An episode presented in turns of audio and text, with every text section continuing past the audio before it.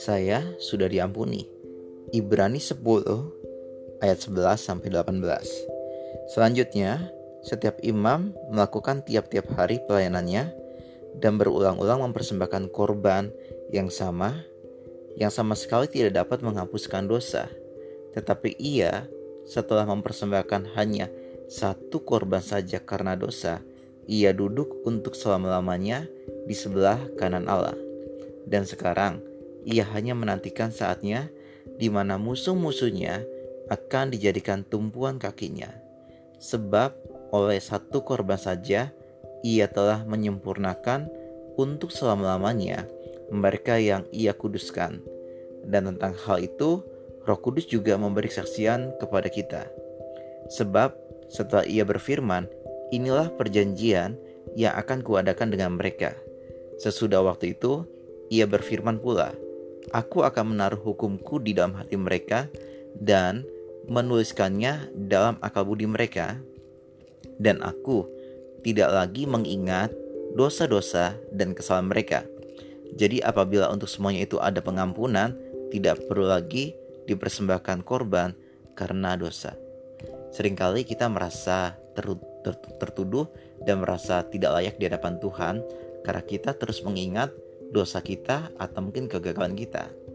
Dari ayat-ayat yang, ayat-ayat yang sudah kita baca tadi, kita melihat bagaimana oleh anugerah Tuhan, Tuhan sudah menyelesaikan setiap dosa-dosa kita. Jadi di mata Tuhan, kita adalah orang benar. Bukan karena perbuatan kita, bukan karena kesalahan kita, bukan karena persembahan kita, bukan karena kerajinan kita datang ke gereja, bukan, tetapi karena ada darah anak domba Allah yang dicurahkan, yaitu darah Kristus. Dan bahkan di Ibrani 10 12 dikatakan, tetapi ia setelah mempersembahkan hanya satu korban saja karena dosa, ia duduk untuk selama-lamanya di sebelah kanan Allah. Artinya apa?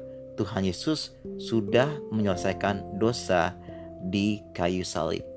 Jadi, di mata Tuhan, saya dan teman-teman adalah orang benar.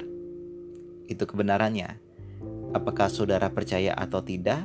Ini adalah kebenarannya bahwa di mata Tuhan, saat kita sudah menerima Yesus sebagai Tuhan dan juru selamat pribadi, saudara adalah orang benar di dalam Kristus. Dan ini adalah anugerah kebenaran yang Tuhan kerjakan bagi kita.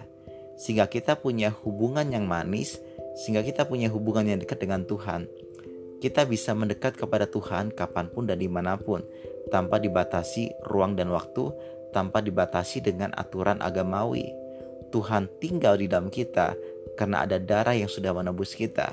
Dan bahkan kita bisa masuk ke dalam hadirat Tuhan karena dari Yesus sudah menjadi jaminan bagi kita untuk kita bisa menyembah Tuhan dan memanggil dia ya Aba ya Bapa.